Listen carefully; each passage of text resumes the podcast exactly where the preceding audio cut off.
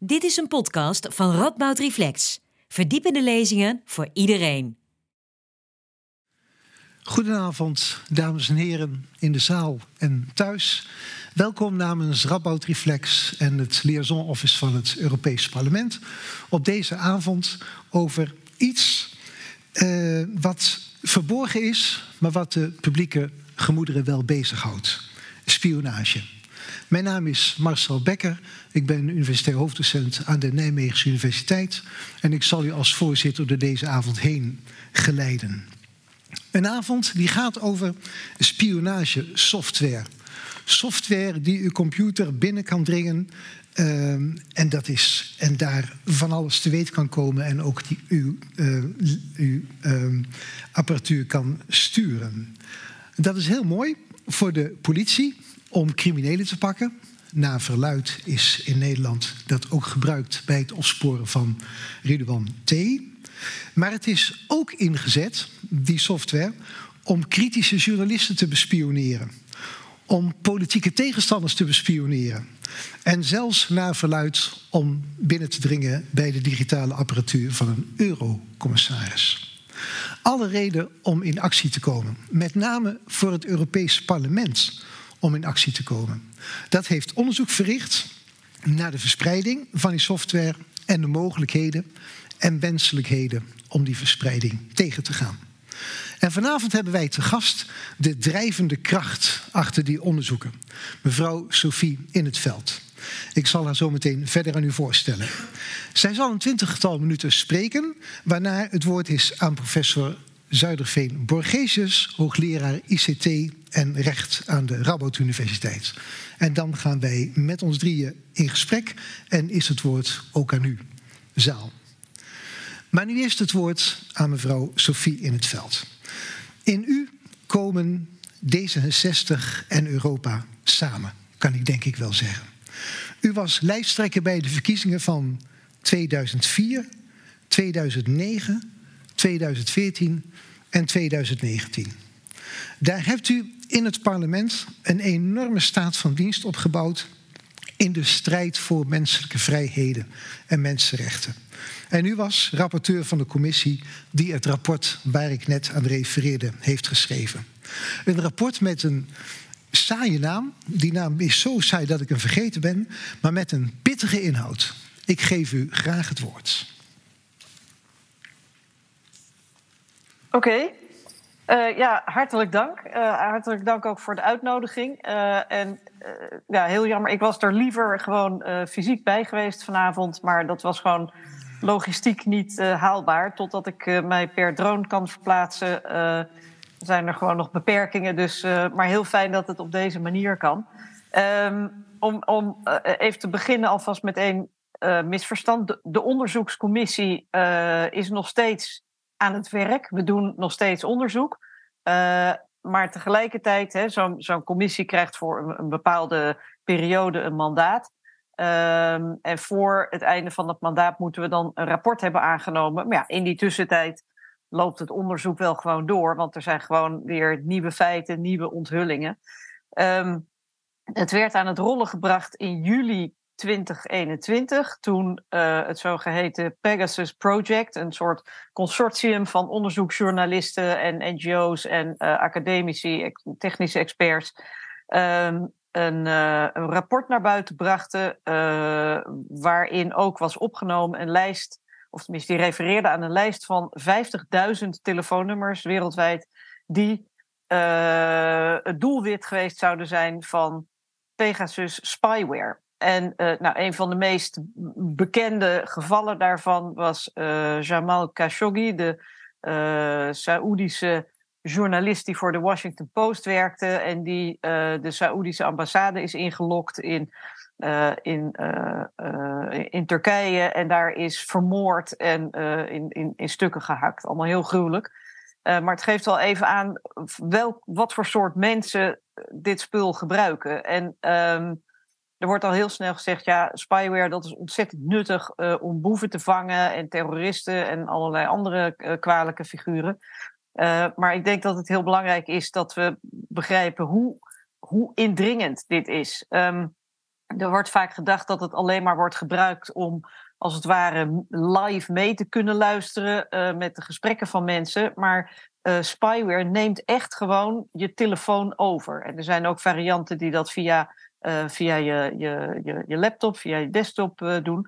Maar dat wil zeggen dat ze niet alleen maar je microfoon en je camera kunnen activeren, maar dat ze gewoon als het ware jou kunnen worden. Hè? Ze kunnen gewoon in jouw telefoon, in je documenten, in je apps, in je uh, je foto's, je belgeschiedenis, je, je berichtjes, alles, alles, alles. En er zijn ook varianten die het toestaan om, um, om, ook te manipuleren. Hè? Dus dat dan de gebruiker van spyware die kan als het ware iets plaatsen, vals bewijs bijvoorbeeld, op andermans telefoon. Dus het is echt ongelooflijk ingrijpend. het, het, de, de besmetting is heel makkelijk. Um, er zijn varianten zoals bijvoorbeeld Pegasus, waar je niet eens meer op een link hoeft te klikken. Hè. Er zijn ook varianten zoals Predator, dat is een ander bekend merk. Um, waarbij je dan een sms'je krijgt toegestuurd met uh, een link die er heel onschuldig uitziet. Maar als je daarop klikt, dan besmet je als het ware je eigen telefoon. Met Pegasus hoeft dat niet eens meer. Dat wordt gewoon als een pakketje naar je telefoon gestuurd. En je hebt helemaal niets in de gaten. En eigenlijk kan dat ook ja, overal uh, vandaan gebeuren. Het is, het is ongelooflijk ingrijpend. Um, en kijk, als dat op een hele verantwoorde manier, in zeer uitzonderlijke omstandigheden, omgeven met alle safeguards en garanties uh, gebeurt om, uh, om boeven te bestrijden, dan kan je nog zeggen van oké, dat heeft nut. maar als je ziet wie het spul produceren en verkopen en, en wie het koopt, um, nou, dan, dan word je toch al heel snel heel ongerust. ik noemde al Saudi-Arabië, maar er zijn heel erg veel uh, dictatoriale, moorddadige en onfrisse regimes over de hele wereld die dit spul kopen. Um, maar de spotlight staat inmiddels ook op Europa. Uh, ik durf de stelling wel aan dat hoewel geen enkele lidstaat echt heeft mee willen werken, geen enkele, ook niet de Nederlandse regering, uh, maar toch hebben we genoeg informatie om te durven zeggen, elke lidstaat in de Europese Unie gebruikt dit spul. En het kan Pegasus zijn, het kan Predator zijn, het, het kan nog een ander merk. Er zijn een heleboel merken uh, het kan ook een combinatie zijn. Uh, bij Nederland bijvoorbeeld, uh, we weten dat Pegasus is gebruikt, maar het lijkt erop dat ze ook bezig waren met de aankoop van Predator. Of dat daadwerkelijk gebeurd is, dat weten we niet. Maar je ziet dus dat er ook wel een combinatie wordt, wordt gebruikt. Ook in Spanje hebben we dat bijvoorbeeld gezien, de combinatie van Pegasus en Candiru. Dat is weer iets wat je, wat je desktop dan besmet. Uh, en het probleem wat we in Europa hebben is eigenlijk tweeledig. Allereerst zijn er uh, een, een, aantal lidstaten waar de regering, of de regeringspartijen moet ik zeggen, spyware gebruiken feitelijk om hun machtspositie vast te houden en om vaak ook om corrupte praktijken te verdoezelen. het is gewoon een enorm machtsmiddel, zeg maar gerust wapen. en we zien een aantal lidstaten, bijvoorbeeld Polen en Hongarije, waar uh, spyware eigenlijk één, één stuk gereedschap is in een hele gereedschapskist die bedoeld is om alle kritiek en alle oppositie uit te schakelen. Nou, we weten dat ze dat in Polen en Hongarije al jarenlang enorm succesvol doen. Spyware is daar een heel belangrijk middel bij. Uh, spyware wordt ingezet tegen, tegen oppositiepolitici, uh, maar ook tegen politici van de regeringspartij zelf. Want het is reuze handig als je compromitterend materiaal kan uh, verkrijgen of mensen, mensen kan, hè, in discrediet kan brengen, je kan ze, je kan ze chanteren, onder druk zetten, intimideren. Ehm, maar spyware is ook ingezet heel veel tegen journalisten, tegen activisten, tegen um, advocaten. Ehm, dus eigenlijk allemaal mensen die een hele belangrijke functie vervullen in de democratie. Want een democratie, om het even heel helder te zeggen, een democratie gaat niet over verkiezingen. In Rusland hebben ze ook verkiezingen en ik zou niet willen beweren dat het een democratie is. Hetzelfde geldt voor China en nog wel een paar andere landen. Een democratie gaat over checks en balances, macht en tegenmacht, controle op de macht. En met dat spyware kan je eigenlijk iedere tegenmacht uitschakelen. Uh, en daarom is het zo ongelooflijk uh, bedreigend voor de democratie in Europa. Een tweede cluster problemen wat we identificeren in Europa is dat Europa uh, eigenlijk een, een, soort, ik noem het maar, gangsters paradise is geworden voor spywareverkopers. Want het is hier fantastisch. Want iedereen klaagt altijd enorm over ja, Europa. Er worden veel te veel regeltjes. het punt is dat die regels eigenlijk slecht worden gehandhaafd. Hè. We hebben regels op, op privacy, we hebben allerlei regels waar bedrijven aan moeten voldoen, transparantieregels. We hebben regels die uh, uitvoer van dit soort technologieën naar ondemocratische landen verbiedt. We hebben al die regels, maar wat zien we gebeuren in, in de Europese Unie van nu? Ehm, zien we dat de regeringen van de lidstaten eigenlijk zo machtig zijn geworden binnen die Unie. Dat is een beetje, mensen denken altijd dat de Europese Unie een enorme superstaat, alles wordt vanuit Brussel bepaald. Dat is volkomen kletskoek. Uh, de nationale regeringen hebben eigenlijk gewoon alle touwtjes in handen. En de Europese Commissie is eigenlijk de handhavingsinstantie. De Europese Commissie moet zorgen dat lidstaten zich aan de afspraken houden en aan de wet houden. Maar die Europese Commissie die is zo langzamerhand heel timide tegenover de lidstaten en durft eigenlijk niet meer te handhaven. Uh, en als wij vragen stellen, hè, bijvoorbeeld over die, die exportregels die zeggen dat je geen spyware aan ondemocratische landen mag verkopen. Uh, en dan, dan horen we bijvoorbeeld dat er vanuit Griekenland en Cyprus dat het spul verkocht is aan Soudaan. Nou, dat kan je niet een modeldemocratie noemen. Dan vragen we aan de Euro Europese Commissie van... Uh, jongens, dit gebeurt onder jullie neus. Gaan jullie ingrijpen? En dan is het antwoord van de commissie stevast... Uh, nou nee, want het is aan de, de nationale regeringen om de wet na te leven. Alleen, die nationale regeringen die hebben er belang bij... om, dit om die hele markt, die hele industrie uh, in stand te houden. En dat betekent dat er uh, vanuit Europa zeer lustig uh, wordt uitgevoerd. Vanuit een aantal landen, met name Cyprus, Bulgarije, um, ook wel Griekenland, maar ook wel andere landen, ook vanuit Frankrijk. Uh, maar alle, alle, andere landen spelen eigenlijk ook een rol. Hè. Je ziet dat heel veel van die bedrijven in Luxemburg gevestigd zijn en daar doen ze hun bankzaken. een aantal zijn in Ierland gevestigd, want daar is zo'n fijn belastingklimaat. Um, uh, er is bijvoorbeeld de, de, er is een, een, belangrijk bedrijf gevestigd in Oostenrijk, uh, omdat ze daar fijn dicht bij hun Russische connecties zitten. Nou ja, zo zie je dat er in, eigenlijk al die landen houden dit systeem in stand. Heel veel van die, van die, van die spyware-handelaren die, die krijgen een Europees paspoort. Op Malta zijn er een heel aantal die daar gewoon paspoort gekocht hebben. Dus je ziet dat de hele Europese Unie die handel, die industrie faciliteert. Um, en het is een ongelooflijk lucratieve handel. Uh, ook een ongelooflijk schimmige handel. En uh, het hele idee van uh, dat ze zich keurig netjes aan de regels houden en niet uitvoeren naar ondemocratische regimes, is in de praktijk gewoon volstrekte fictie. Want je vindt al dit spul al die merken vind je, uh, wat ik zei, Saudi-Arabië, Libië, Egypte, Madagaskar, uh, Bangladesh, uh, nou, noem ze allemaal maar op. Um, en daar wordt het gebruikt, hè, Myanmar, Rusland ook nog. en daar wordt het gebruikt, ja, precies wat ik net beschreef, om alle tegenstand tegen regeringen uit te schakelen. En daar gaat het dan nog iets minder zachtzinnig aan toe dan binnen, binnen de Europese Unie. Uh, maar het systeem is eigenlijk hetzelfde. En wat zien we dus? Dat je nu een situatie hebt waar aan de ene kant heb je de nationale regeringen die ontzettend machtig zijn in Europa en die er belang bij hebben om, om deze nou, semi-criminele markt in stand te houden. En aan de andere kant uh, zie je die semi-criminele markt uh, die denkt, nou, het is hier prima in, in Europa. Um, en dat is dus heel lastig. Dan heb je twee hele machtige spelers. Er komt nog een derde machtige speler bij en dat is Israël. Israël is een beetje de bakermat van dit soort spul. Uh, waarom? Omdat er heel veel voormalige officieren zijn uit uh, het, het, het, Israëlische leger en de, uh, en, de, en veiligheidsdiensten daar, die ongelooflijk veel kennis hierover hebben. Die gaan heel vroeg met pensioen. Die zijn in het begin 50 of zo. Um, nou ja, en dan is het heel lucratief om, om een handeltje op te zetten. En uh, wat zien we nou? Dat uh, in de afgelopen twintig jaar of zo zijn er wel eens wat schandaaltjes geweest. Waarbij uh, bijvoorbeeld dit soort spyware gebruikt werd tegen Amerikaanse staatsburgers. Nou, daar kunnen de VS niet mee lachen.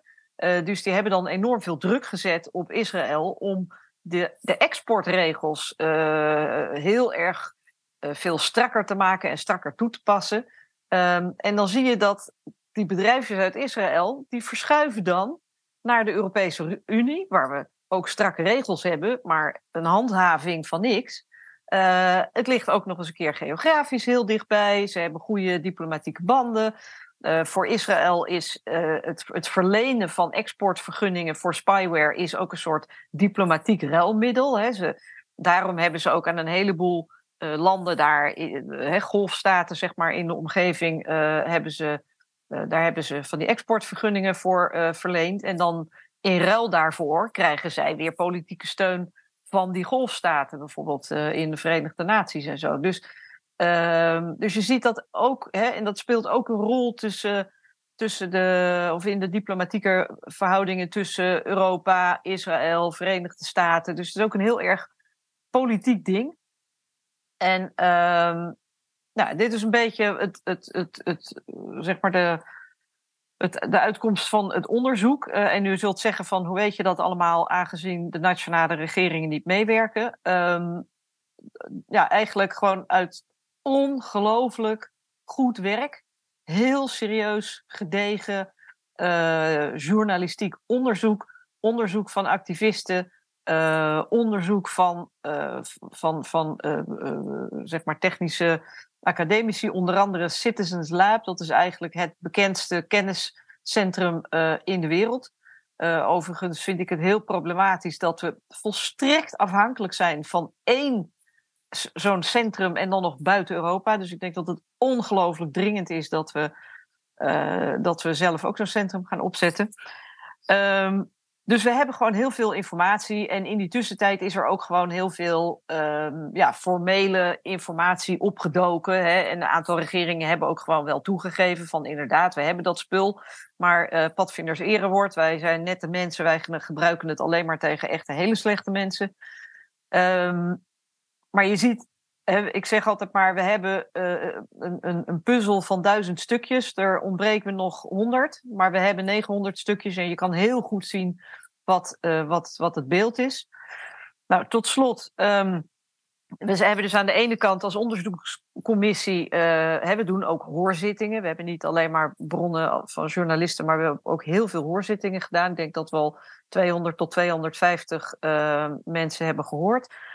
Um, maar we doen ook aanbevelingen. Dus we kijken niet alleen maar naar het verleden, wat is er gebeurd, maar we doen ook aanbevelingen voor, um, voor de toekomst. Um, ik zal er een paar uitlichten. Allereerst, uh, en we zijn nog aan het onderhandelen met de fracties hoor, dus ik kan helemaal niet zeggen over wat de uitkomst is. Ik kan u alleen maar zeggen wat ik op tafel heb gelegd en ik hoop daar toch een meerderheid voor te, te krijgen. Eén uh, is uh, een moratorium uh, een voorwaardelijk moratorium. Dat wil zeggen dat, dat het moratorium opgeheven kan worden voor die lidstaten die kunnen aantonen dat ze alle uh, zeg maar safeguards, alle garanties, uh, alle rechtsbescherming, dat die in hun rechtsstelsel zitten, dat ze het niet misbruiken, dat, dat ze ook toestaan dat Europol onderzoek komt doen als er toch het vermoeden is dat er iets niet goed gaat. Dus één is een moratorium, want dit moet gewoon zo snel mogelijk stoppen. Twee, um, uh, we moeten hele strakke regels gaan maken op Europees niveau voor het gebruik van dit soort spyware. Um, we hebben, er bestaan in de meeste lidstaten wel regels voor afluisteren en zo, maar dat, dat zijn eigenlijk regels die al lang achterhaald zijn, die bovendien niet uniform zijn in de hele Europese Unie. En als je Europese regels hebt, dan kan je ook um, dan kan je ook ja, toch wel meer, iets meer afdwingen dat lidstaten zich daaraan houden. Derde is dat we duidelijk die markt uh, heel strak moeten gaan reguleren. Een vierde is dat we een um, uh, eigenlijk ja, idealiter een Europese definitie zouden moeten hebben van nationale veiligheid of in elk geval een Europese verplichting voor alle lidstaten om zo'n definitie te hebben. Want op dit moment is nationale veiligheid is niet gedefinieerd. Maar het is wel, als je zegt dit is nationale veiligheid, dan, dan gelden de normale wetten niet meer. Uh, en als je, als je dat gebied nationale veiligheid niet hebt afgebakend, ja, dan kan je die, die spyware dus in alle mogelijke situaties inzetten. ik heb zo geleerd bijvoorbeeld uh, onlangs, tot mijn verbijstering, dat kennelijk in Nederland hebben we ook niet een hele strakke afbakening, maar kennelijk hoort het de, de nationale strategie strooizout is ook een kwestie van nationale veiligheid. Nou ja, om maar een voorbeeld te geven. Uh, en het wordt, het wordt natuurlijk in een aantal lidstaten, hè, ik noem al Polen, Hongarije, maar ook uh, Griekenland, Spanje op een beetje andere manier en Cyprus ook een beetje andere manier. Maar die lidstaten, in elk geval wordt het spul gewoon gruwelijk misbruikt. Dus dat moet aan banden worden gelegd. Goed, we doen nog heel veel meer aanbeveling, maar ik zal het hier even bij laten. Ik hoop dat ik het een beetje helder geschetst heb en dat we in vraag en antwoord misschien nog wat dingen kunnen verduidelijken.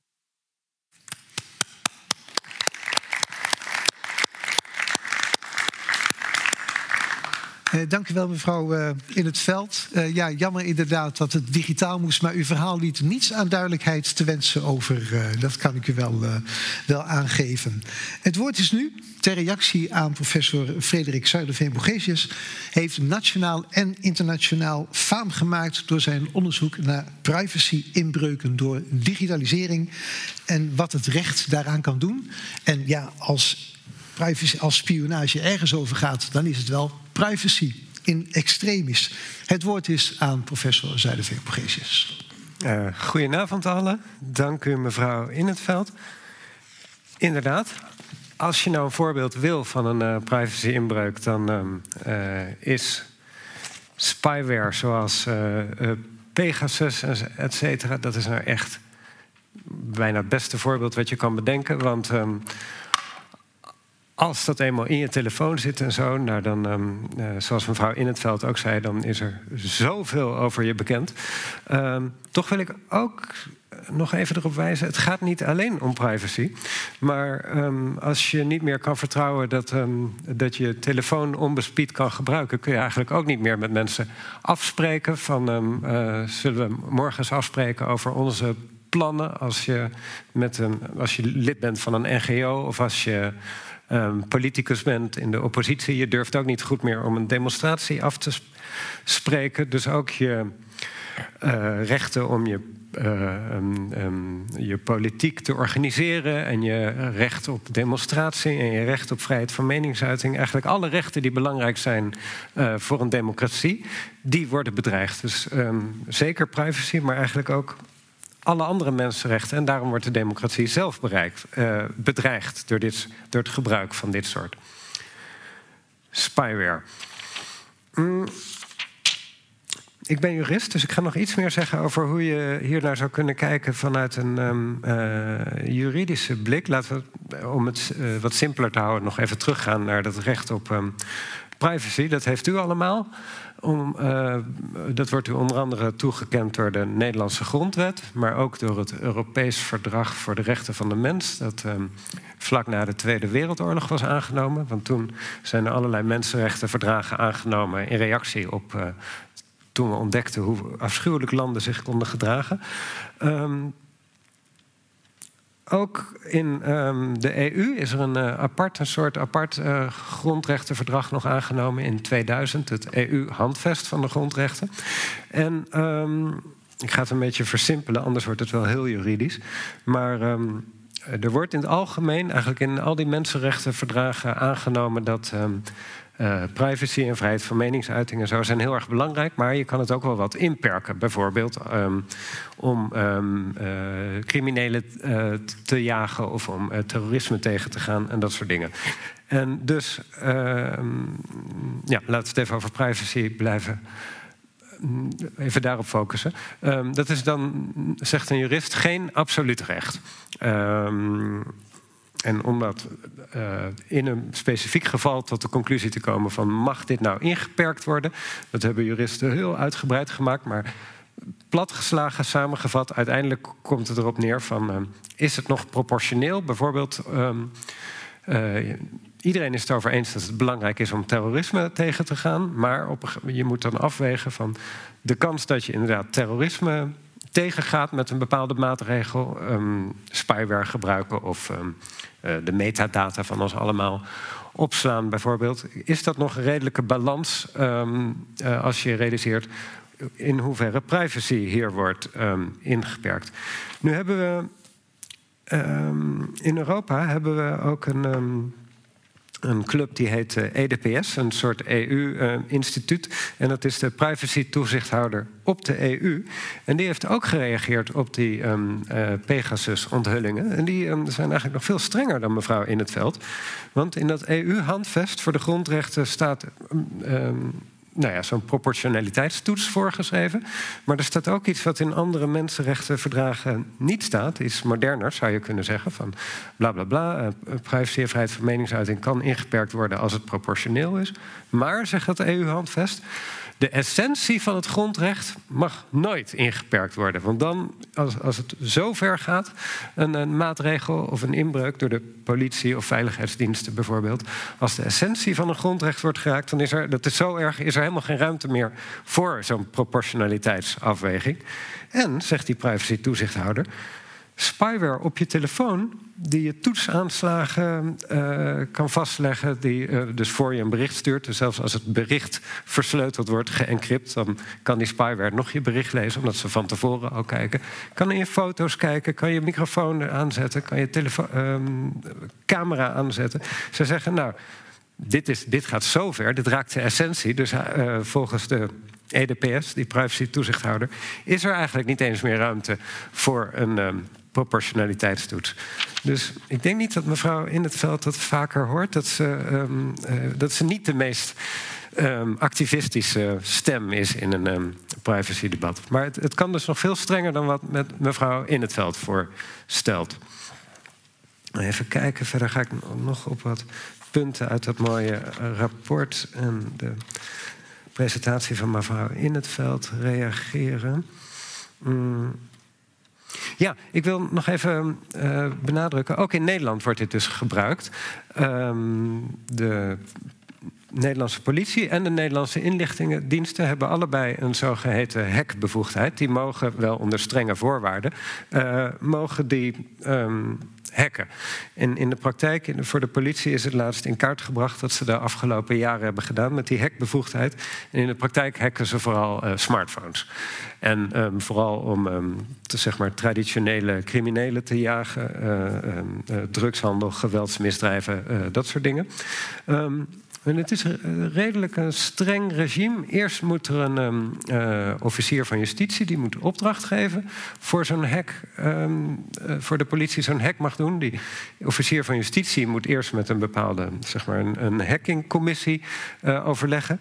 Dan moet er nog een rechtercommissaris, een soort rechter, dus die staat los van de politie, moet dat aftekenen. Van is, dit, is de misdaad die je aan het onderzoeken bent zo zwaar dat zo'n zwaar middel toegepast mag worden?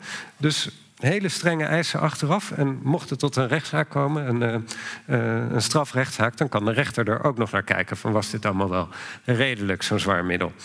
En um, voor de uh, inlichtingendiensten, de IVD, is het eigenlijk um, nog wel strenger. Of minstens even streng. Want van tevoren moet de minister moet toestemming geven. Dan ook nog um, een aparte commissie tiptoetsingscommissie inzetbevoegdheden. Uh, die kijkt heel streng van, uh, is voor het doel wat jullie nu willen, inlichtingendiensten, is die hack wel een um, redelijk middel of gaat het te ver? En dan naderhand is er nog uh, toezicht op wat de inlichtingendiensten doen door de CTIVD, een aparte toezichthouder op de inlichtingendiensten. En er blijft van alles geheim voor ons, kiezers en journalisten, maar die van tevoren toetsingscommissie en die naderhand toetsingscommissie, die heeft um, inzage in, um, in um, heel veel aspecten van wat die inlichtingendiensten doen. Dus het is een redelijk uitgebreid en genuanceerd toezichtssysteem opgebouwd in Nederland. En er zitten wat haken en ogen en weeffouten in. En de inlichtingendiensten mopperen veel uh, dat het te langzaam gaat en dat er te vaak uh, toestemming wordt geweigerd. En de politie heeft vergelijkbare klachten. Waarschijnlijk is het allemaal goed nieuws dat er discussie blijft. Want als er nooit discussie was, dan zou je ook kunnen denken van misschien wordt er veel te lichtjes uh, gecontroleerd. Maar dit illustreert dus wel wat mevrouw In het Veld ook zei. Het gaat niet alleen om Polen en Hongarije. Het gaat ook voor nou ja, min of meer beschaafde landen zoals Nederland, die dit soort um, uh, software gebruiken. En de IVD is niet zoveel van bekend. Wel dat die dus uh, Pegasus hebben gebruikt. En de politie die tenminste, het is mij niet allemaal bekend hoe ze, aan die, ehm, hoe ze die hacks plaatsen. Maar van de politie is het wel laatst beschreven dat die voornamelijk ehm, ook uh, commerciële hacksoftware, uh, zeg maar, in het genre van Pegasus inkopen. In plaats van dat zelf allemaal ehm, ontwikkelen. En oh, over die markt kan ik ook nog wel wat zeggen. Ik weet niet of u dat allemaal scherp heeft. clubjes zoals uh, dat NSO, wat het Israëlische bedrijf wat Pegasus op de, tenminste verkoopt aan uh, allerlei uh, landen of licenties verkoopt um, voor tientallen miljoenen euro's, vaak trouwens. Die kopen die kwetsbaarheden, zeg maar, die um, lekken in telefoons, die kopen ze in. Dus als u uh, niet zoveel morele scrupules heeft en u bent heel goed in computers en u ontdekt een, um, een lek in uw iPhone-software of zo. Het mooiste is natuurlijk als u dat aan Apple meldt. Die geven dan waarschijnlijk ook wel een beloning. Als, en als u het niet bekend maakt tot Apple dat dan heeft gedicht. Want als je zo'n bedrijf meldt over zo'n lek, dan kunnen ze het meestal snel dichten. En daarom moeten we ook altijd, die, um, als u weer zo'n seintje krijgt van uw telefoon, er is een update van uw systeem, dan moet u die ook installeren. Want er worden vaak beveiligingslekken gedicht. Maar die bedrijven die in spyware handelen en die die licenties verkopen, eh, of zeg maar eh, hacking as a service verkopen aan de IVD of aan allerlei dictaturen, die bieden uh, miljoenen euro's. En sommigen publiceren gewoon heel duidelijke lijsten op hun website. Voor hacks op Android betalen we 2,5 miljoen en zo. Dus u kunt zich voorstellen dat, dat het heel verleidelijk is voor mensen die zo'n lek hebben gevonden. Um, om, het op de, in die duistere markt te verkopen. Want dat is veel geld waard. En um, um, ja, die bedrijfjes kunnen dat dan verder inzetten tegen uh, ja, wie er hun maar het meeste biedt ervoor. Uh, ja, dus het gaat om meer om privacy. Um, wat je natuurlijk eigenlijk wil, is natuurlijk dat mensen die zo'n lek ontdekken, het wel aan de fabrikant uh, verkoopt of meldt. Uh, en niet aan dit soort uh, duistere bedrijfjes. Want dan kunnen die, laten we zeggen, telefoonfabrikanten en zo, die kunnen het dichten. En daar worden we allemaal veiliger van. Dus er zijn ook wel stemmen die zeggen van, en dat, klinkt heel redelijk op het eerste gezicht, je moet die hele handel in die um, onbekende lekken, het wordt wel zero days genoemd, omdat er als het als iemand een lek ontdekt wat uh, Apple zelf nog niet kent, dan is het nog zero days, nog nul dagen bekend. En is het dus nog niet gedicht. Terwijl als het eenmaal een paar dagen bekend is, dan uh, lukt het Apple en Samsung en Android, et cetera, uh, lukt het meestal wel om die lekken te dichten. Dus een andere. Um, spoor van mogelijke oplossingen waar we aan kunnen denken, is het verder afremmen van die markt om dat soort uh, uh, lekken, die zero days, um, te verhandelen. Nu denken veel mensen misschien van ja, ja, dat kun je dan wel verbieden, maar dit gaat toch over mensen zonder scrupules, dus helpt dat nou allemaal wel?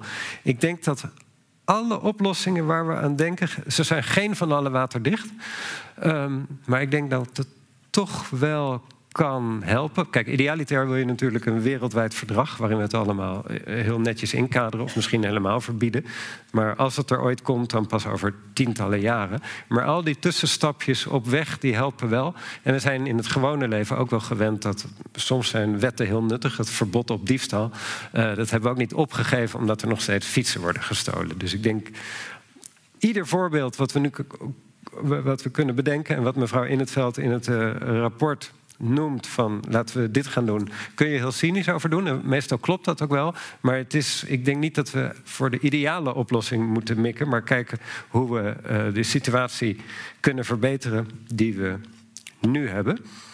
En dan had ik nog twee vragen aan mevrouw In het Veld. Ik uh, zag dat er uh, het rapport bouwt heel veel op uh, journalistieke rapportages. Wat trouwens illustreert hoe belangrijk onderzoeksjournalist is onderzoek journalistiek is voor een democratie. Want zonder al die journalisten zouden we helemaal niks weten. Um, maar ik vroeg me af, ik zou graag meer horen van hoe groot was dat team nou? En heeft u dan mensen die Grieks en Pools, eh, eh, die dat allemaal lezen? Want veel van de voetnoten, ik denk, oh, dat ga ik ook lezen, maar dan was het in het Grieks of zo. Mm. En ik zou graag wat meer horen van mevrouw In het Veld. Uh, nu bijvoorbeeld de EDPS, die uh, privacy-toezichthouder op de EU, zegt helemaal verbieden. Al het gebruik van spyware. Terwijl uh, mevrouw In het Veld meer genuanceerde suggesties komt. Van uh, laten we zorgen voor goed toezicht voor en achteraf. Ik ben benieuwd. Um, um, was dat meer realiteitszin van mevrouw In het Veld? Van een verbod komt er niet? Of, of dacht u vanaf het begin van. Um, dus zou u liever een verbod hebben, maar denkt u, ik, uh, ik geef suggesties met meer kans voor een politieke compromis? Of um, denkt u zelf ook dat een volstrekt verbod op dit soort spyware te ver zou gaan? En um, ik kijk uit naar de discussie.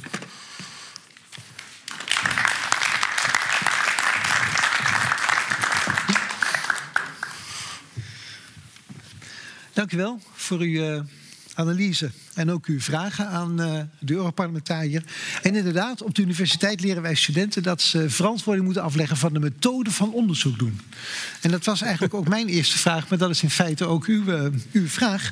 Hoe is het om onderzoek te doen naar iets wat u eigenlijk niet mag weten?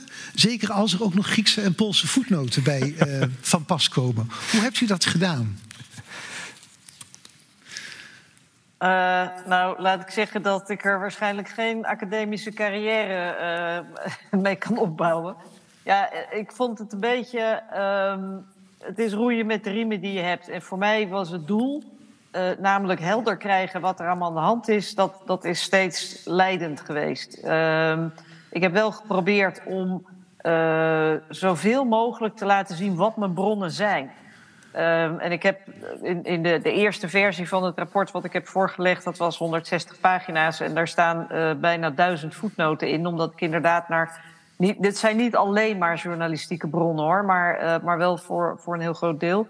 Um, die ik inderdaad, nou, ik, ik heb gewoon mijn eigen kleine teampje. Ik had er uh, twee stagiairs, jonge medewerkers op en nog wat uh, steun part-time van uh, wat andere ambtenaren. Dus het was inderdaad uh, gewoon heel maandenlang het klokje rond werken, inderdaad. Um, maar je krijgt wel allerlei dingen aangereikt. Hè. Op een gegeven moment weten mensen, jij bent daarmee bezig. En dan, dan, dan, dan komen ze met informatie naar je toe. En um, ja, ik heb... het is wel interessant, want kijk, als je dit soort dingen doet, dan rijd je natuurlijk wel een heleboel mensen in de wielen. Hè? Er zijn een heleboel mensen die uh, uh, het prima zouden vinden als het allemaal niet op tafel kwam. Uh, en ik moet ook zeggen dat toen in juli 2021 de, de, eerste dat dat rapport van Pegasus project naar buiten kwam, toen zei ik al meteen, we moeten een onderzoekscommissie opzetten. Nou, daar was in, aanvankelijk in het Europees Parlement, hadden ze daar helemaal geen trek in. Um, uiteindelijk kwam daar dan een meerderheid voor, omdat, uh, ik zal geen namen noemen, maar in, er, kwam ineens bleek dat er in een bepaald Europees land. Uh, dat het, het spul ook werd gebruikt tegen de oppositie. En een van de twee grote fracties in het parlement zit daar in de oppositie. Uh, en toen vonden ze het dus ineens heel interessant. Is, ja, zo cynisch is het gewoon. Uh, en ik merk ook dat in die, die commissie is echt extreem ge, gepolitiseerd. Ik heb echt het idee, als ik het heel kort door de bocht zet, zeg dat uh, heel veel mensen daar zitten, uh, het zij om hun regering te verdedigen, het zij om hem aan te vallen. Al naar gelang ze hun partij in de regering of in de oppositie zit. Uh, en ik, ik, dacht al snel, hè, want meestal als ik een rapport doe, dan vanaf het begin betrek ik alle, alle fracties erbij en doe ik dat heel inclusief. Maar nu dacht ik, nou ja, weet je, ik ga het eerst allemaal opschrijven en dan gaan we daarna wel onderhandelen. En uh, dat bleek ook wel de juiste keus te zijn. Daar kom ik straks nog wel op terug. Uh, maar ik vond het gewoon heel belangrijk om uh, alles wat er is aan informatie, om dat samen te brengen en uh, publiek te maken. Want ik dacht, wat in het publieke domein is, dat gaat niet meer weg. En ik merk nu dat inderdaad, nu het in het publieke domein ligt, dat er een ongelooflijke heftige tegenstand komt. ja, ik word van, voor van alles en nog wat uitgemaakt. Nou, oké, dat zal allemaal wel. Ehm, ze proberen ook aan alle kanten om het, het, hele proces onderuit te halen. Door inderdaad te zeggen: ja, maar de methode deugt niet en zo. Dan zeg ik: nou, oké, okay, zeg maar hoe, hoe, dan wel? En wat deugt er dan precies niet? Nou, dan wordt het al stil. Uh, ik krijg inmiddels ook uh, boze brieven van advocaten van mensen die vinden dat ze mensen en bedrijven, onder andere Intellexa, het bedrijf wat Predator maakt, dus ook een van de grote merken, die sturen een advocaat op ons af. Daar zijn we daar niet verschrikkelijk van onder de indruk. Maar om even aan te geven van... Je komt, je komt echt aan gigantische belangen. En uh, ja, dus ook daarom vond ik het ook niet zo erg dat we het gewoon in mijn eigen kleine team de eerste versie hebben gemaakt. Uh, en vervolgens ga je met de andere fracties en met alle andere partijen aan de slag. Maar ik vond het heel belangrijk om het op deze manier te doen. Bovendien, kijk, we hebben niet, uh, weet je, niet elk bericht uh, uit iedere tabloid overgenomen. Hè? Um, als we journalistieke bronnen hebben gebruikt, dan weten we echt dat dat gewoon hele gedegen onderzoeksjournalisten zijn van gerenommeerde media. weet je, is er een risico dat er iets in staat wat niet helemaal klopt? Zeker. Uh, dat is het risico. Maar ik zeg altijd maar tegen de mensen die daar commentaar op hebben: Nou, het is goed, maar ga dan niet mij onder druk zetten. Stuur mij niet een boze brief van je advocaat. Maar doe dat met die regeringen. Die dit spul op deze manier gebruiken. Alle regels overtreden: de privacyregels, de exportregels, de mensenrechten. Nou, noem het allemaal maar op. De, de aanbestedingsregels. Alle regels worden met voeten getreden. En ze geven geen inzicht in wat ze aan het doen zijn. Dus maak je druk over die regering en maak je niet druk over het feit dat wij dit in een rapport hebben opgeschreven. En um, dus nou, dat wat betreft het team. Uh, we hebben inderdaad wel redelijk brede talenkennis, maar natuurlijk niet alles. Dus uh, nou ja, we hebben een, eh, een vertaal-app. En het, het, is echt, het is echt wel een beetje houtje touwtje. Maar nou, daarmee krijg je toch heel veel bij elkaar. Want u spreekt uh, over 900, 900 puzzelstukjes van de duizend, zei u, dat u al ja. bij elkaar had. Dat vind ik wel veel. Misschien dat u maar het topje ja. van de ijsberg hebt. Nou ja, dat, nou ja, laat ik zo zeggen dat het, het, het, het, het, het beeld van het topje van de ijsberg hebben we redelijk compleet. Maar er zit ongetwijfeld nog veel meer onder water, onder de waterlijn. Want kijk, we hebben, hè, ik, ik zei al eerder, spyware is niet een doel op zich. Spyware is één uh, stuk gereedschap in de gereedschapskist. Uh, en wij kijken nu heel erg geïsoleerd, of tenminste, dat was de opdracht van de onderzoekscommissie, maar ik merkte al snel dat dat niet ging. Hè, om heel geïsoleerd te kijken naar dat, dat ene uh, technologische instrument. Maar um, het is onderdeel van een hele strategie. Um, bijvoorbeeld, ze kunnen uh, NSO voelde zich op een gegeven moment enorm uh, in de hoek gezet. Want die, die kwamen natuurlijk er heel slecht af uh, in het hele verhaal. NSO, dus de producent van Pegasus. en die hebben dan een, een bedrijf ingehuurd en dat heet Blackcube. en Blackcube wordt ook geleid door voormalig chef van de Mossad of zoiets. Uh, en dat is een bedrijf dat kan je inhuren om, uh, ik zeg maar even heel onparlementair, om zoveel mogelijk shit te verzamelen over je tegenstander. Om die in discrediet te brengen en, en, en te, te intimideren en te chanteren. En uh, nou, daar, we hebben, er is bijvoorbeeld op dit moment, we hebben in Europa een Europees Openbaar Ministerie. Zeg maar een soort anticorruptie-waakhond. Um, en dat wordt geleid door een Roemeense mevrouw, Laura Keuvici. En dat is een enorme anticorruptie pitbull. Die is echt fantastisch. Echt een echte, echte heldin. Maar zij was openbaar aanklager in Roemenië. En dat Blackcube is ingezet tegen haar destijds. en dat heeft haar enorm in het nauw gebracht. gelukkig is dat allemaal goed afgelopen. Maar dat soort bedrijfjes, die, dat is dus geen spyware. Maar die verlenen wel aanpalende diensten. die bedrijfjes daar werken allemaal dezelfde mensen. Die hebben allemaal met elkaar te maken. Die kennen elkaar allemaal. Het is één wereldje. Ja. En uh, hebben bijvoorbeeld nog een ander voorbeeld. Uh, de baas van uh, zeg maar Cambridge Analytica. Eh, misschien dat u dat nog wat zegt. Het grote schandaal waarbij eigenlijk de, de, Amerikaanse verkiezingen nogal gemanipuleerd werden met gegevens die ze van Facebook gebruikten. Nou, die meneer die is nu samen uh, die heeft nog allerlei andere schimmige bedrijfjes. En die begint zich nu ook een beetje in dat wereldje te begeven. Ja, dan word ik heel ongerust. Dus, um, maar goed, om even terug te komen op de tweede vraag van, uh, van meneer Zuiderveen. Waarom geen totaalverbod? Omdat, nou ja, het is voor een deel ingegeven door, door zeg maar de politieke realiteit, maar eigenlijk veel meer nog door de overweging. Kijk, wat ga je dan verbieden?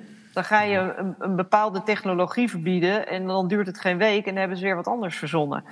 Um, dus wat je, wat je moet doen is een, een regelgevend kader hebben waarbinnen het gebruik van wat voor soort technologie dan ook zeg maar, de mensenrechten en de democratie en de rechtsstaat respecteert. Dat, dat is belangrijk. Dat kader moet er komen.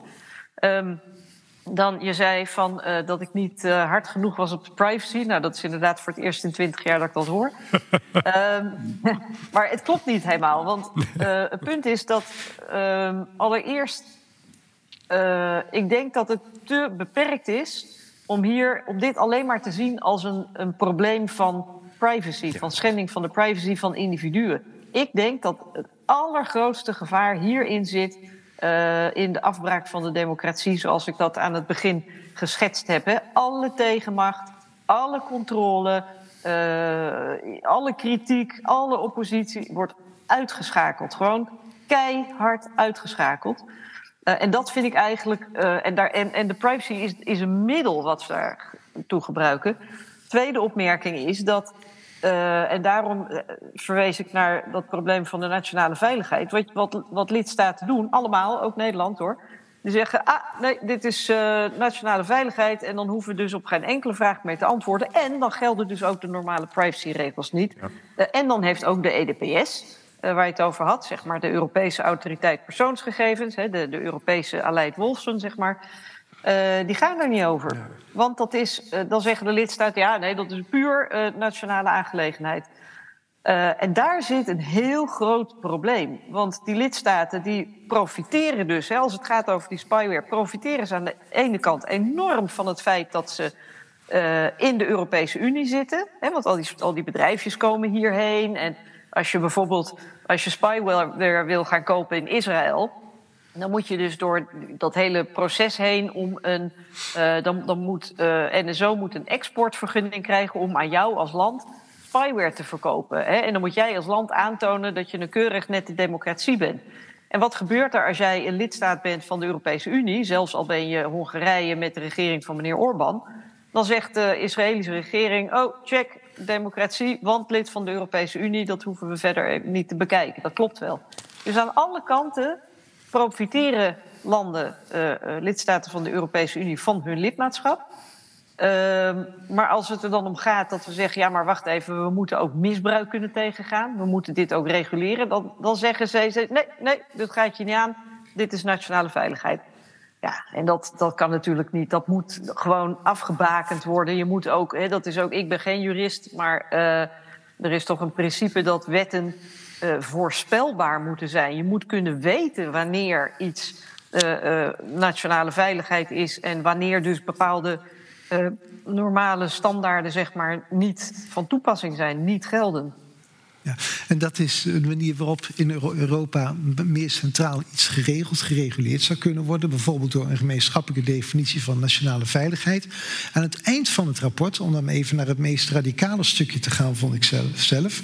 Eh, daar zegt u van ja, het kan zijn dat er een rule of law crisis in een land is. Dus dat een land spyware zo wordt gebruikt dat zo evident de democratie onder druk staat. Dan moet de commissie ook proactief, dan moet Europa ook proactief kunnen ingrijpen in het land. Dus dan zet u eigenlijk de soevereiniteit van landen wat onder druk, ook in deze kwestie, om dat ook in te grijpen. Klopt dat? Nou ja, de A is dat helemaal niet zo radicaal, want dat staat al lang in het verdrag. Uh, in de Europese verdragen staat artikel 1, hallo iedereen. Artikel 2, we zijn met z'n allen een democratie en we respecteren de rechtsstaat. Uh, artikel 7, uh, en wie zich daar niet aan houdt, die krijgt straf.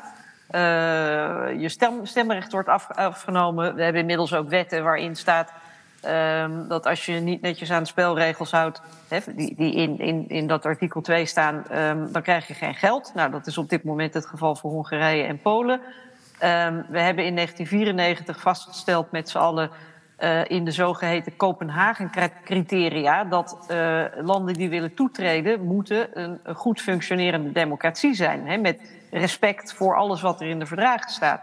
Dus we hebben alle instrumenten en alle, alle lidstaten. Ik bedoel, Hongarije was de eerste lidstaat die het huidige EU-verdrag heeft geratificeerd. Hè? Het eerste verdrag van Lissabon.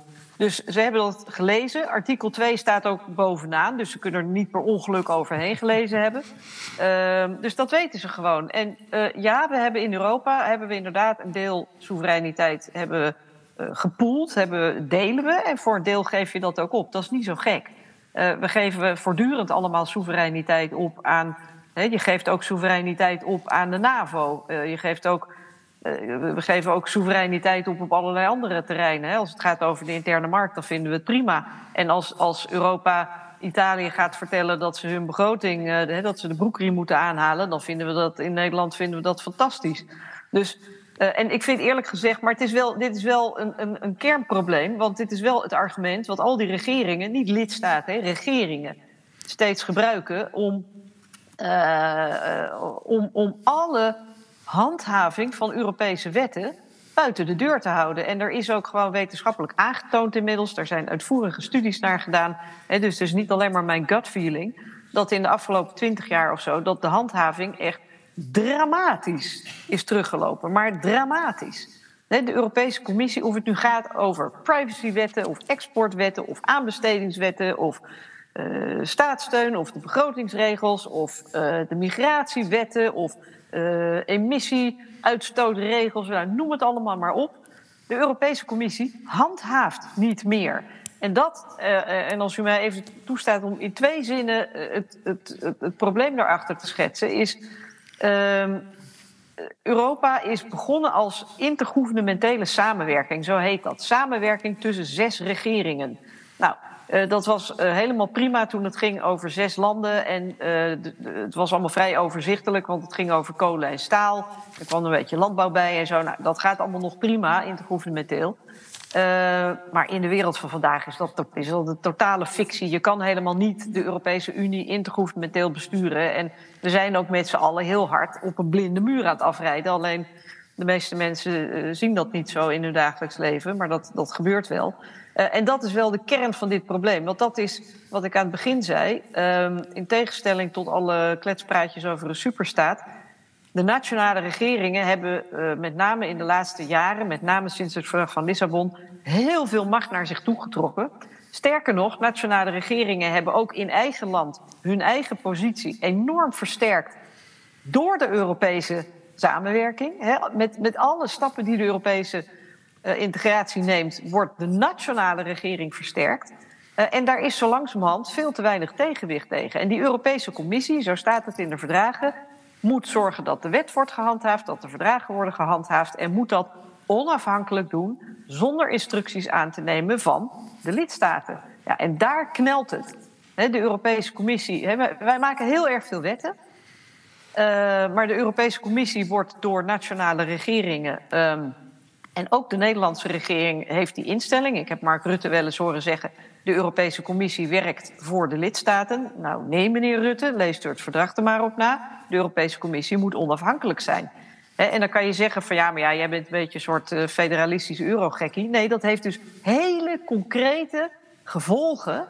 Uh, bijvoorbeeld, ik noemde dat voorbeeld van de export. Dat er gewoon onder de neus van de commissie wordt spyware uitgevoerd naar Soudaan, naar Bangladesh, naar Libië, naar Egypte, noem het allemaal op, onder de neus van de commissie. De commissie weet het en de commissie grijpt niet in, omdat de commissie inderdaad inmiddels ook in die logica zit van, ja, wij dienen de nationale regering, wij zijn een soort secretariaat. Het is heel, heel, heel problematisch. En om het voor het Nederlands publiek duidelijker te maken, het is een beetje van als Nederlanders zeggen van wij vinden het heel kwalijk dat de Europese Commissie de begrotingsregels niet handhaaft tegenover Italië en Griekenland. Nou, uh, er zijn nog veel meer terreinen waarop dat heel zorgelijk is.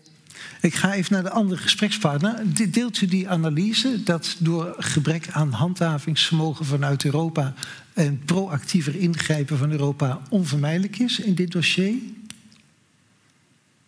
Uh, kun je die vraag nog eens herhalen? Nou, dat vanwege, zoals net werd verteld, er een gebrek aan handhavingsvermogen is bij Europa. En dat daarom ook gewoon een ja, proactief ingrijpen in de autonomie van de lidstaten onvermijdelijk is in dit dossier. Oh, zo, ja. Nou, met goede handhaving van de regels die we hebben, zou de situatie al een stuk minder somber zijn. Um, op de langere termijn is er nog een probleem, namelijk, um, zoals mevrouw In het Veld zei, de EU heeft nou eenmaal praktisch geen competentie op het gebied van nationale veiligheid van lidstaten. En er kan heel veel gediscussieerd worden waar die grens precies ligt. Maar de EU kan alleen maar doen wat nationale lidstaten zelf kiezen om aan competenties aan de EU te geven. En die hebben dit nooit willen afgeven. Dus die willen hun eigen veiligheidsdiensten uh, kunnen blijven besturen. Ja, daar wil u gesprekspartner zeker op reageren. Maar als ik dan even ga naar de voorstellen die zijn gedaan. Als ik dan toch even met u in gesprek ben. En zo meteen geef ik u het, weer het woord, mevrouw het veld. Maar bijvoorbeeld een moratorium. Uh, op uh, de handel in spyware. Tot het moment dat je, ja, tenzij je zeker weet dat het land daar goed in handelt. Uh, regels op Europees niveau vaststellen voor spyware. de, macht ook beter, de markt ook beter reguleren. Wat vindt u van dat soort maatregelen? Zijn die haalbaar? Um, ja, ik vond ze grosso modo, dit vind ik uh, goede voorstellen. En uh, het is, zou bijvoorbeeld al nuttig zijn als het, uh, zelfs als het um, formeel juridisch niet zoveel macht heeft, om toch zo die lijst samen te stellen van zo zouden beschaafde landen om moeten gaan. Met spyware, dat heeft op zichzelf al nut. Uh, want beschaafde landen kunnen ervoor kiezen om dat te volgen. En mocht er later wel het momentum zijn om wetten aan te nemen, dan heb je alvast iets om op te bouwen. En dat zie je ook um, in die andere grote Europese club, de uh, Raad van Europa, de Mensenrechtenclub in Europa. Um, dat, um, het, begin van, uh, dat uh, het begint vaak met dit soort um, lijsten van normen. Nou nee, nog ver voor het verdra uh, verdrag is. Dan kun je het al eens worden, ja. meer informeel. Van zo zouden we ons moeten gedragen. En na 10, 20 jaar kan dat dan vastgelegd worden in een echt bindend verdrag. Dus ja, ik ben voor het vaststellen van EU-wijde normen. Zelfs als je dat aan het begin nog helemaal niet kan afdwingen. Mevrouw het Veld, wil daarop reageren direct? Ja, nou, het, het gaat in een aantal uh, lagen. Uh, allereerst moet er inderdaad gewoon goed gehandhaafd worden. Ik zei al, we hebben een, een heel aantal wetten die heel. De, inderdaad, de privacywetten, de exportregels, de aanbestedingsregels. Uh, maar je kan ook gewoon met het verdrag in de hand. kan je zelfs hè, met dat artikel 2. Kan je al zeggen van hier moeten lidstaten zich aan houden. Daar kan, en, en we hebben ook de macht om te zeggen als lidstaten dat niet doen, dan zijn er sancties. Dus dat kan uh, met de huidige wetten uh, en verdragen. Alle voorstellen die ik heb gedaan, uh, op, op eentje na misschien, zijn gewoon onder de huidige verdragen volstrekt haalbaar. Daar is geen enkel obstakel. het enige wat inderdaad, waar ik niet meteen een juridische basis voor zie, dat is het moratorium. Maar zelfs daarvoor, we hebben in de verdragen hebben een soort restartikel dat zegt van, nou ja, uh, als er geen juridische basis voor is, maar als iedereen het eens is, dan, uh, dan mag het ook.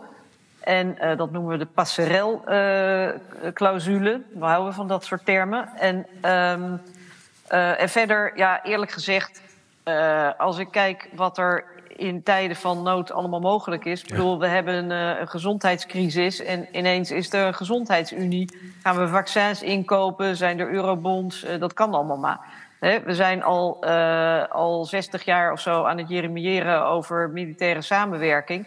Er komt een oorlog en het gebeurt. Nog lang niet genoeg, mijn, naar mijn smaak, maar oké. Okay. Um, uh, we hadden, maar ook bij eerdere crises zie je dat er, hè, uh, dat er dan ineens hele grote stappen gezet kunnen worden. En ik denk dat dit een gigantische crisis is. Een crisis van onze democratie. En terwijl wij ons ontzettend zorgen maken, en terecht, over de bestorming van Capitol Hill of van het Braziliaanse parlement of van de uitschakeling van de Israëlische uh, rechterlijke macht, moeten we ons zorgen maken over onze democratie. Want juist op het moment dat er zulke grote stappen worden gezet. Want al die lui hè, die nu spyware uh, uitvoeren of misbruiken, die zitten in de Europese Raad. Die zitten naast Mark Rutte. Die maar beslissen dat, mee over, over wapenuitvoer en uh, over de aankoop van vaccins en over toetreding. Nou goed, NATO is weer even een andere club. Maar je ziet dat wat Viktor Orban doet, die verbindt dat. Hè? Die zegt nou. Uh, als ik me niet meer, als jullie ophouden met zeuren over de rechtsstaat en als ik mijn geld krijg, dan uh, zal ik niet langer uh, NATO-toetreding voor, voor Zweden en Finland blokkeren. Dus, um, dus ik denk dat er ook met de huidige verdragen al heel veel kan. Maar uiteindelijk zullen er op een aantal punten. Zal er verdragswijziging moeten komen. En heel kort twee concrete punten. Ten eerste denk ik dat het Europees Parlement uh, volledige bevoegdheid moet hebben om een parlementaire uh, enquête te doen. Dat wil dus zeggen dat wij uh, toegang moeten kunnen eisen tot informatie en dat we mensen moeten kunnen oproepen om te getuigen. En de tweede is dat Europol, de Europese politieorganisatie, ehm, de macht moet krijgen om in uitzonderlijke gevallen onderzoek te doen in een lidstaat. Ook als de regering van die lidstaat dat niet wil. Want we zitten op dit moment met de bizarre situatie dat de FBI op Europees grondgebied, as we speak, vandaag onderzoek aan het doen is, politieonderzoek naar het misbruik van spyware door Europese regeringen. En dat onze eigen politieorganisatie dat niet kan. Nou, dat vind ik idioot. Ja, over, ja helemaal, kan ik me helemaal voorstellen. Maar toch denk ik dat hier een eigenaardig spanningsveld is... wat in veel Europese dossiers niet zo is. Vaak staan in Europa de lidstaten tegenover elkaar. En moeten die lidstaten met elkaar onderhandelen tot een compromis te komen. Is het hier niet zo dat het Europees Parlement staat tegenover de lidstaten. Dus nu is het spanningsveld Europa aan de ene kant en de lidstaten aan de andere kant. En dat is politiek toch anders en ook veel moeilijker te bestrijden dan lidstaten die onderling compromissen moeten sluiten. Want u hebt vooralsnog geen één lidstaat aan uw zijde. Nee, nou ja, er wordt wel verschillend gedacht in de lidstaten. Maar kijk, wat ze inderdaad gemeen hebben. Uh, en wij staan niet tegenover de lidstaten. Uh, en ik al helemaal niet. Maar we staan voor democratie. En op het moment dat alle regeringen elkaar vasthouden.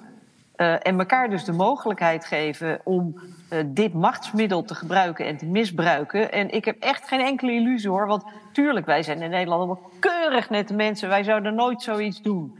Nou, weet je, uh, better safe than sorry. je moet gewoon niet dit soort instrumenten zonder enige uh, safeguard, zonder, zonder wettelijk kader, moet je gewoon niet in handen geven van mensen. Want het is een, een universeel gegeven, macht corrumpeert en absolute macht corrumpeert absoluut. En dat is het risico waar we op dit moment naar kijken. En ik wil nog één ding even corrigeren, want er werd gezegd, hè, want dit is ook de redenering van de lidstaten, van ja, maar je kan niks doen, want het is nationale veiligheid en dat is expliciet een nationale bevoegdheid. Klopt. Maar uh, er is wel degelijk, uh, zeg maar, jurisprudentie bijvoorbeeld, die zegt die, die, dat dat gebied, die afbakening van de nationale veiligheid, is niet onbeperkt. Waar die afbakening precies ligt, ja, daar moeten we het nu over gaan hebben. Maar er is jurisprudentie over. En uh, er zijn gewoon heel veel. Bijvoorbeeld surveillance, dus het, het bespioneren van mensen, vindt plaats um, binnen je hebt de, de, de zogeheten e-privacy-richtlijn, die zegt, die beschermt de, de vertrouwelijkheid van communicatie. Nou, daar gaat het hier natuurlijk over, hè, vooral communicatie. Uh, en, maar in die e-privacy-richtlijn, daar staat een uitzondering voor nationale veiligheid en, en nog zo wat van die dingen. Dat wil dus zeggen dat alle surveillanceactiviteiten, dat is dan weliswaar nationale bevoegdheid op zichzelf, maar het valt wel binnen het kader van die Europese wet. En omdat het binnen het kader van de Europese wet valt, uh, geldt ook het Europese handvest van de grondrechten. Onverkort. Uh, en uh, als je zegt van we staan tegenover de lidstaten, nee, wij willen af en toe de lidstaten even het geheugen opfrissen. Er is een verdrag, daar hebben diezelfde lidstaten hun handtekening onder gezet. Uh, als ze dat niet willen, dan moeten ze het verdrag gaan wijzigen. En zolang ze dat niet doen, geldt het verdrag. Ook in Europa. En er wordt wel eens een beetje over gedaan alsof dat een soort keuzemenu is. Hè? Zo van je gaat naar een restaurant, je zegt, nou ja, ik wil het menu, maar ik wil toch liever een ander dessert. En kan ik ook uh, een, een, betere wijn erbij krijgen of zo? Nee, zo werkt het niet. Een verdrag is een verdrag. Snoeihard. Uh, en als ze het niet willen, dan moeten ze het veranderen. Ja, ik kijk even, u hebt heel erg knikkend bevestigd dat dit juridisch klopt wat gezegd is. Uh, ja, misschien herinnert u zich nog van een aantal jaar geleden dat er, um, dat er gold het samen te vatten, want als ik alle details geef, dan wordt het een lang verhaal. Maar dat er vanuit Europa was opgelegd dat alle lidstaten hun telecomproviders moesten verplichten om al onze bel- en e-mailgegevens en surfgegevens voor tussen een half jaar en twee jaar vast te leggen. Dus ja. Massale surveillance van onze ja. communicatie, metadata ja. heette dat. En toen, en dan zou je kunnen zeggen dat klinkt als uh, nationale veiligheid, maar toen heeft toch het. Uh, uh, Hof van de Europese Unie gezegd van um, inderdaad met die e-privacy regels als haakje van nou dat is wel degelijk. Uh, hebben wij als EU-hoofd daar iets over te zeggen? En dit gaat veel te ver. Al is het nuttig om terroristen te jagen. Uh, dit soort surveillance gaat veel te ver en mag niet meer. En dat heeft het Hof nog een aantal keer herhaald. Als nationale lidstaten hun eigen dataretentie, heet dat surveillance, ja. als die, uh, hun eigen dataretentiewetten hadden. Dus het, het klopt zeker. Uh, nationale veiligheid is als argument geeft lidstaten zeker geen carte blanche. Um, maar ze blijven dat argument wel inroepen. Ja. Ik dank u hartelijk voor uw bijdrage. U ook, professor Zuiderveen En we zijn dus geëindigd met een mooie uitdaging waar we met z'n allen weer aan de slag kunnen gaan. Dank u wel.